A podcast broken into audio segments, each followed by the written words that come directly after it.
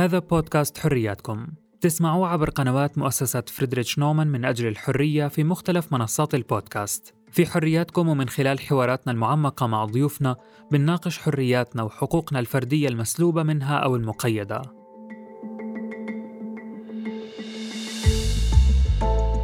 أنا محمود الخواجة. نستضيف اليوم عبير النجار الأستاذة المشاركة في قسم الاتصال الجماهيري في الجامعة الأمريكية في الشارقة. وأيضا خالد صبيح مسؤول خدمة تقصي صحة الأخبار باللغة العربية في وكالة فرانس بريس.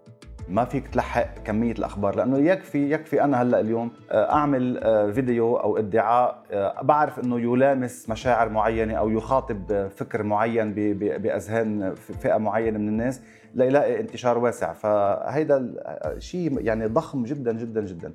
هل نحن قادرين نرد على كل هالأخبار؟ هو أكيد لا. طب ليه عم نشتغل؟ شو عم نحاول نعمل؟ إحنا أول ما بنتفاعل كبشر مع المعلومات ومع الصور بنتفاعل بشكل عاطفي هو الاندماج العاطفي مع الخبر أو مع الصورة أو مع أي معلومة هو اللي بيخلينا نهتم فيها. أمام التدفق الهائل للمعلومات في عصر الاتصال الرقمي صارت الأخبار الخاطئة أو المضللة في كل مكان على مجموعات واتساب، صفحات فيسبوك، فيديوهات يوتيوب وغيرها. بغض النظر عن مصدرها ممكن ينعكس تصديقها والترويج إلها على سلوكيات الجمهور على الأرض. بالمقابل عم تطلع منصات للتدقيق والتحقق من كل الأخبار غير الصحيحة اللي ممكن نتعرض لها في الفضاء الرقمي.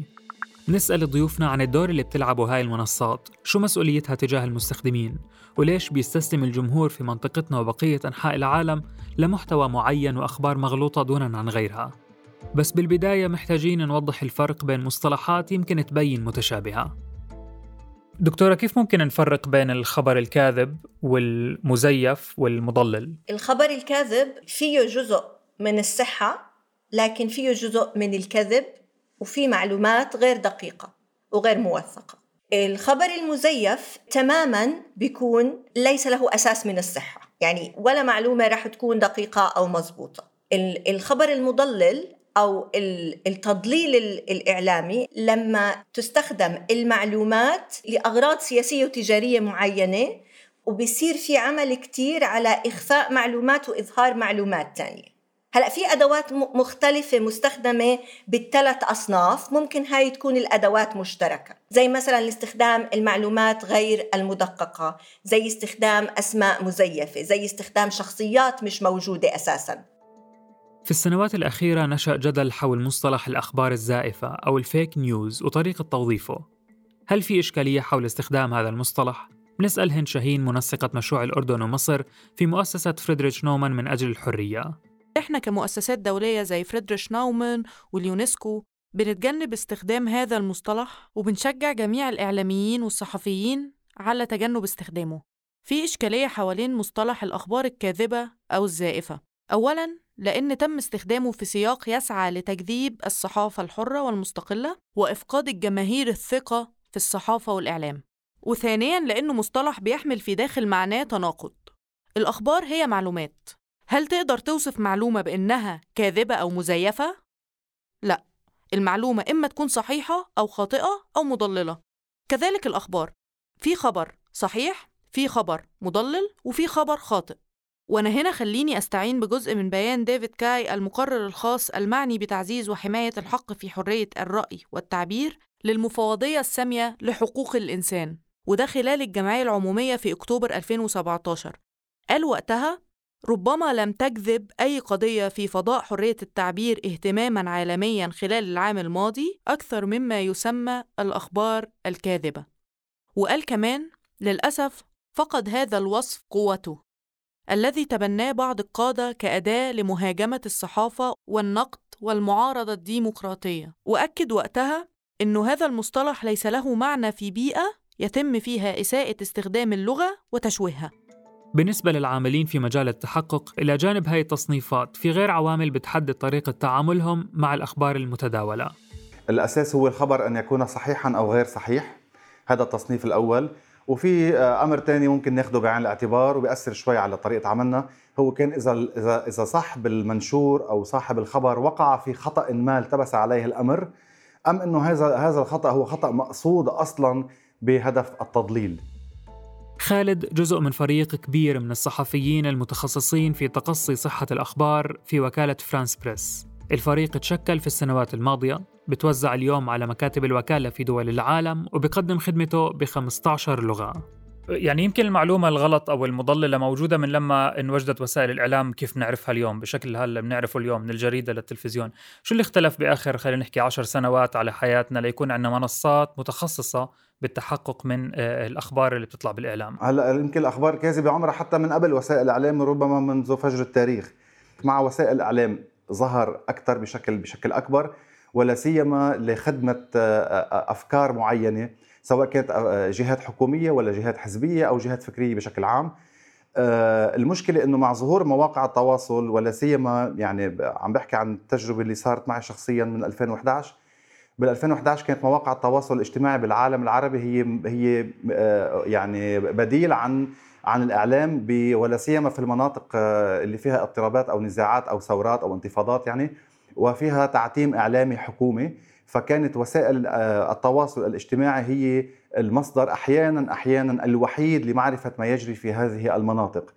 ولكن بعد فترة للأسف تحولت من مصدر للأخبار إلى بحر هائج من الأخبار الكاذبة يلقى فيها كل شيء جزافا. كنا نسمع بأوائل هالفترة هاي الناس تقول ما أنا قريتها على فيسبوك أو أنا شفتها على جوجل وكأنه اسم مسمى فيسبوك ولا مسمى جوجل هو لشيء آه، يعني ذو مصداقية لبعدين ربما بدا بدأ فهم الناس لأنه هذا الموضوع هو محرك بحث ممكن يوديك على الغث والسمين يعني ما ما له علاقة. وهون صارت الحاجة يعني لوجود منصات بس متخصصة بأنها تتحقق من الأخبار. هذا الشيء ما كانش موجود يمكن قبل 20 سنة مثلا. يعني أنا حقول إنه هذا الشيء هذا العامل آه، آه، قلب اختصاص آه، الصحافة التقليدية من ناقل للخبر.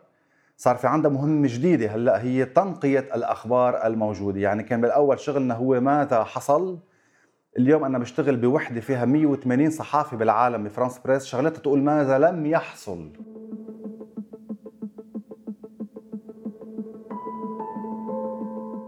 كيف بتقيم سنة 2020 فيما يتعلق بالأخبار الكاذبة ومجال التحقق؟ يعني نحن صرنا فترة بالعالم العربي عايشين بالسوريالية من سنوات ماضية يعني.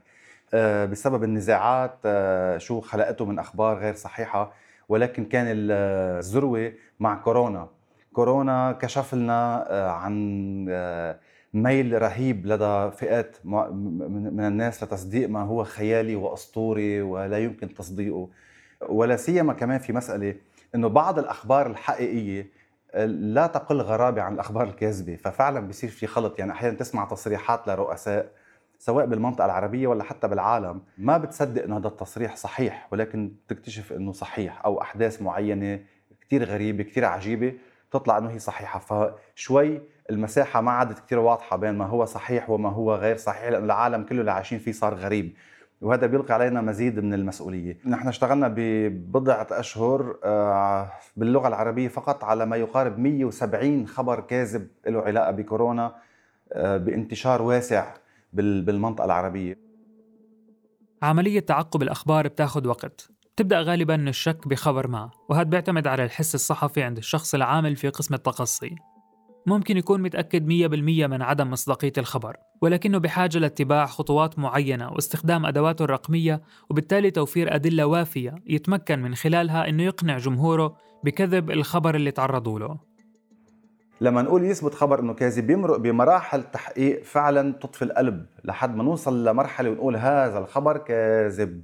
لما نثبت من هذا الموضوع بنعمل تقرير للرد عنه وبنشرح شو سياق ظهور هالخبر. ليش طلع هذا الخبر بهالوقت؟ على شو بدل بسيكولوجيا المستخدمين اللي شاركوه؟ شو العبرة؟ ليش شاركوا لهالخبر؟ وين موطن الخطأ فيه؟ وإذا كان سياقه صحيح بنوضح إنه السياق صحيح لكن هذا الخبر كاذب. يعني نعطي آه، مثل هذا الفيديو يصور آه، مستوطنين في الضفة الغربية المحتلة وهن عم بيهدموا بيت؟ نحن لازم نقول إنه في استيطان بالضفة الغربية المحتلة وفي هدم بيوت ولكن هذا الفيديو تحديدا ليس صحيحا. بنبلغ يعني بنعمل فلاج بنعلم على هالخبر على مواقع التواصل بحيث إنه الناشر بيتلقى تبليغ إنه الخبر اللي أنت ناشره غير صحيح للأسباب التالية راجع التقرير.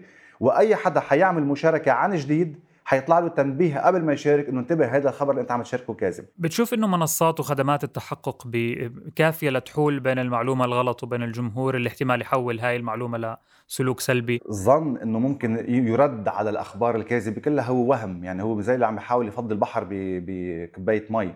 هل نحن قادرين نرد على كل هالأخبار؟ هو أكيد لا. طب ليه عم نشتغل؟ شو عم نحاول نعمل؟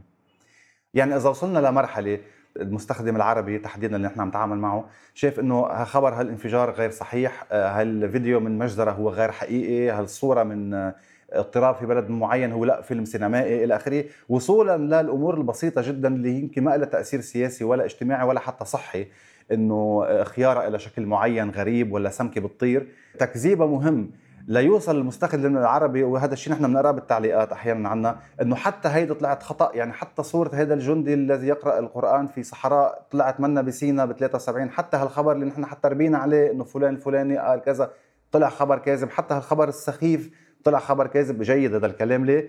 لحتى نوصل لمرحلة يصير عند المستخدم لمواقع التواصل الفكرة أنه كل ما تقرأه على مواقع التواصل الاجتماعي يجب التعامل معه على أنه خبر كاذب إلى ثبوت العكس.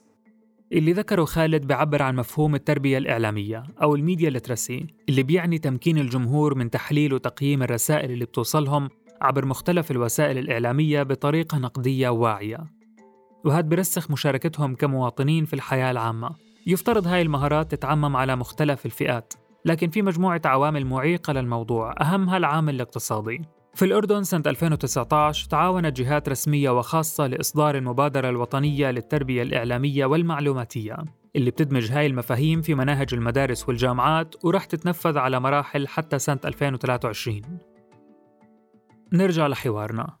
خالد بيشوف إنه حسب ملاحظته أكثر الأخبار الكاذبة والمضللة بيكون هدفها تجاري يعني أصحابها بيسعوا من خلال نشرها لزيادة مشاهداتهم على المنصات الرقمية وبالتالي استقطاب الإعلانات وممكن بيع حساباتهم وصفحاتهم لاحقا طبعا بعد ما تكون حققت متابعات عالية. الخطورة بتكمن لما هاي الحسابات تستغل عواطف المستخدمين وتنشر أخبار كاذبة متعلقة بالقضايا اللي بيآمنوا فيها وممكن تكون عادلة ومحقة. أنا كناقل خبر يعيب قضيتي اني انسب لها شيء يطلع بعدين خطأ. بأي معنى؟ آه، من فترة صادفت فيديو بعد الجدل اللي صار على خلفية مواقف الرئيس الفرنسي ماكرون من رسوم الموسيقى للرسول. آه، كان في آه، صفحات عم تنشر على موقع يوتيوب تحديدا.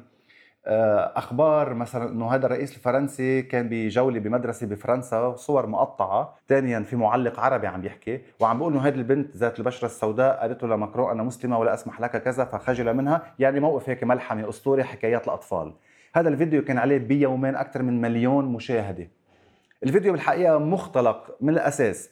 طب أنا سؤالي هل من نشر هذا الحديث هو فعلا متحمس لقضية الرسول حقيقه؟ ولا أنت بس نشرت فيديو ببراعة لتحصد عليه مليون فيو لصفحتك تصير قيمتها التجارية أعلى تاخذ إعلانات تجارية أو تبيعها فيما بعد مستغلا عواطف الناس بهالموضوع. عاد عن فكرة إنه هذا هذا بالأصل خبر ساخر وهذا خبر مزيف وهذا مثلا خبر وفاة فنان أو معلومة غلط عن لقاح كورونا أو إلى آخره. هل في أي محاولة للتعامل مع أو التوعية بالتضليل اللي ممكن يكون ممنهج ومتراكم اللي بتتبعه وسائل إعلام كبيرة بمنطقتنا وبالعالم واللي آه، بالنسبة لكثير آه، من الجمهور هي عندها مصداقية؟ هون بحب ميز بين شغلتين. في وسائل إعلام عربية مرموقة جدا بصرف النظر آه، يعني المستمع المشاهد بوافق على سياسة حكومتها ولا على ما ينسب لها من سياسة أو لا ولكن هي تقدم خدمة إخبارية جيدة. قد تقع في فخ الأخبار الكاذبة. ووكالات أجنبية عريقة قد تقع في فخ الأخبار الكاذبة لأنه القائمين عليها هن بشر. عادة هي الوسائل الإعلامية المحترمة تعيد تصحيح الخبر. ولكن في وسائل إعلامية لا تكذب يعني لا تختلق خبر كاذب ولكن توجه سياستها التحريرية باتجاه معين. لا يمكن إنك تلقط عليه أنت خطأ تقني حقيقي. هو ماشي صح هو عم بيقول صح حصل واحد واثنين ثلاثة وفعلا حصل واحد واثنين ثلاثة بس ما قال لك إنه حصل من الجهة الثانية واحد واثنين وثلاثة. فهذا ما فيك تسميه خبر كاذب شو قدم ولكن قدم تغطية إخبارية غير متوازنة. هذا للأسف خارج عن صلاحياتنا. خالد من خلال تجربته بأكد ملاحظته لميل الجمهور لتصديق محتوى مضلل معين دونا عن غيره. نسأل دكتورة عبير النجار عن السبب. بسبب اختياراتنا. اختياراتنا بالعادة بتكون مبنية على انحيازاتنا الشخصية اللي بنسميها الانحياز الاختياري. انحيازنا في اختياراتنا وانحيازنا بالأشياء اللي إحنا بدنا نصدقها. وإحنا أصلا الجمهور بتفاعل. إحنا أول ما بنتفاعل كبشر مع المعلومات ومع الصور بنتفاعل بشكل عاطفي. هو الاندماج العاطفي مع الخبر أو مع الصورة أو مع أي معلومة هو اللي بخلينا نهتم فيها. لأنها بتناسب ميولنا وانحيازاتنا الشخصية وانحيازاتنا كمان الشعبوية والعامة كشعوب وك مجموعات بشرية. وهاي النقلة اللي لازم تصير بسبب الانفتاح المعلومات اللي إحنا عايشين فيه إنه كيف بنقدر ننقل المستخدم والجمهور من الاستسلام للنزعة العاطفية ما بدك تقيمها تماما لأنه هي جزء من من سلوكياتنا بالتعاطي مع وسائل الإعلام وتجرب تدخل العقل وتدخل التفكير النقدي وتدخل الوسائل النقدية للتعاطي مع الرسائل الإعلامية بشكل عام كيف بتشوفي دور منصات التحقق في توعية الجمهور بالتعامل مع كل الرسائل الإعلامية اللي بتوصله؟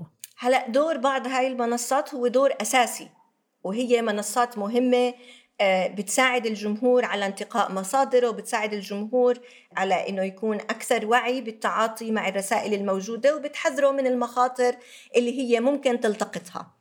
لكن في النهاية هذه المنصات هي عرضة لعدد من المشاكل البنيوية اللي لها علاقة بتمويلها وإلها علاقة بوجودها وإلها علاقة بالقائمين عليها بعضها مش كلها. الاقتصاد السياسي بالمنطقة اللي له علاقة سواء بالإعلام أو بالمؤسسات المحيطة بالمؤسسات الإعلامية منحاز لنظم معينة هي قادرة على تمويل هذا النوع من النشاطات. برزت عدد من مؤسسات الرصد الإعلامي اللي هو هدفها مش توعية الجمهور وإنما تشويه مؤسسات إعلامية معينة وتشويه أدائها وتضليل الجمهور بالنتيجة. طب كمان بنشوف المنصات الرقمية الكبيرة زي تويتر وفيسبوك بلشت تشير للمعلومة الخاطئة أو المضللة كمعلومة خاطئة ومضللة لما يتم تداولها عليها.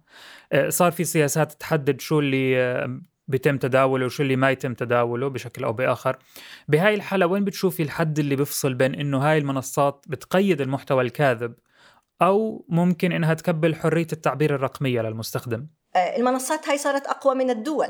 ففي عليها مسؤولية كتير كبيرة إنه هي تحدد الوسائل والآليات وتقوم بنشر المعايير اللي بناء عليها تتعامل مع المضامين المشكوك فيها سواء من حيث لأنه في قضايا كتير بتدخل ضمن ضمن نفس النطاق. شبكات التواصل الاجتماعي الكبيرة لازم تكون تجاه تمثيل أكثر للجنوب لدول الجنوب بمجالسها وبالجوفرنس تاعها بحاكميتها ومحكوميتها بحيث إنه لما يتم اتخاذ قرارات أو لما يتم عمل سياسات لتقنين أنواع من المحتويات يكون في تمثيل لهذا لهذا الجانب من العالم ولما نحكي دول إيه الجنوب إحنا عن أي دول بنحكي؟ يعني أي دول بجانب تحت الولايات المتحدة الأمريكية وأوروبا أي دول هي مش مركز احتكار للتكنولوجيا واحتكار للإعلام. لأنه أحيانا لما لما بيعملوا قوانين وتعليمات معينة على المحتوى بيتم التعدي على حقوق الأفراد للتعبير في في المناطق اللي هم أقل قوة زي مثلا المجموعات التي لا تستطيع آه، الحشد وعمل لوبيات للتأثير على فيسبوك وهذا الإشي شفناه بفيسبوك بيوتيوب بتويتر ومنصات تانية له علاقة بمثلا المحتوى اللي هو المناصر للقضية الفلسطينية سواء باللغة العربية أو بالإنجليزية. صار في عليه جدل كتير كبير لأنه طبعا التقنين صار منحاز تجاه طرف من الأطراف بحكم إنه الطرف الآخر لم لا, لا يملك نفس آه، قوة الضغط ونفس الموارد التي يملكها الطرف الآخر. الخطر اللي ممكن تشكله سلطة شبكات الإعلام الاجتماعي العملاقة على محتوانا كمان ممكن تشكله السلطة السياسية في بعض دول المنطقة. أنا يعني مع الحد من انتشار الأخبار الكاذبة عن طريق أطراف مستقلة غير تابعة لحكومات غير تابعة لأحزاب غير تابعة لأفكار سياسية أو تيارات آه، في العالم. مدققي أخبار مستقلين هن يتولوا هذا الموضوع. يعني شو اللي بخوفنا من موضوع يصير في قوانين تتعلق بالرد على الأخبار الكاذبة، الخوف إنه تستخدم هذه القوانين لقمع الرأي الآخر بحجة نشر أخبار كاذبة. وتضليل الجمهور واللي عم ينقال ممكن يكون صحيح، ونحن بنعرف بعالمنا العربي التهمة الحاضرة دائما لأي معارض أو لأي ناشط هي بث أخبار كاذبة ويسجن عليها سنوات طويلة. هو فقط لأنه عم بيقول إنه بلدنا ما في اقتصاد ومش مش سليم أو أو الحياة السياسية غير غير غير مستوية كما يجب. هذا يقال عنه إنه يبث أخبار كاذبة. فاذا نحن من جهه في عنا الخطر الرهيب الناجم عن أخبار كاذبة وما يؤدي إليه من مشاكل كثير كبيرة فينا نحكي عنها. ومن جهة ثانية عنا الخوف استغلال هذا الموضوع لقمع الرأي الآخر باسم مكافحة الأخبار الكاذبه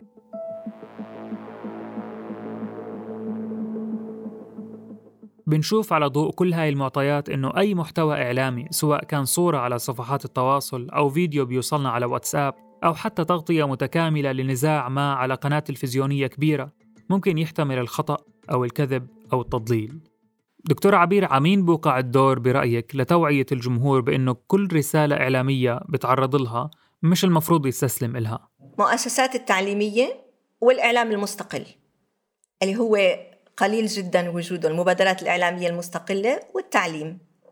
يصير في عنا مناهج بيتم تحديثها بشكل مستمر بتقدم ثقافة إعلامية نقدية للطلاب والطالبات وللمجتمع كذلك. وكمان طبعا في مسؤولية فردية. كل شخص فينا مسؤول لازم يفكر قبل ما يتفاعل مع أي خبر ويفكر مرتين وثلاث ويتحقق قبل ما ننشر أو نعيد استخدام الخبر. ولا إشي ممكن يوقف تدفق المعلومات اللي منتعرض لها يومياً. غالباً الأخبار الكاذبة مش رح تتوقف بكبسة زر. والمحتوى المضلل رح يستمر في انتشاره وتأثيره على وعي الجمهور. منصات التحقق تبدو جزء من الحل ولكن المهم ضمان استقلاليتها. وزي ما سمعنا بيكمن الحل الأفضل والأكثر منطقية لحد الآن على الأقل في التأسيس لثقافة نقدية للتعامل مع كل رسالة إعلامية بتمر علينا يومياً.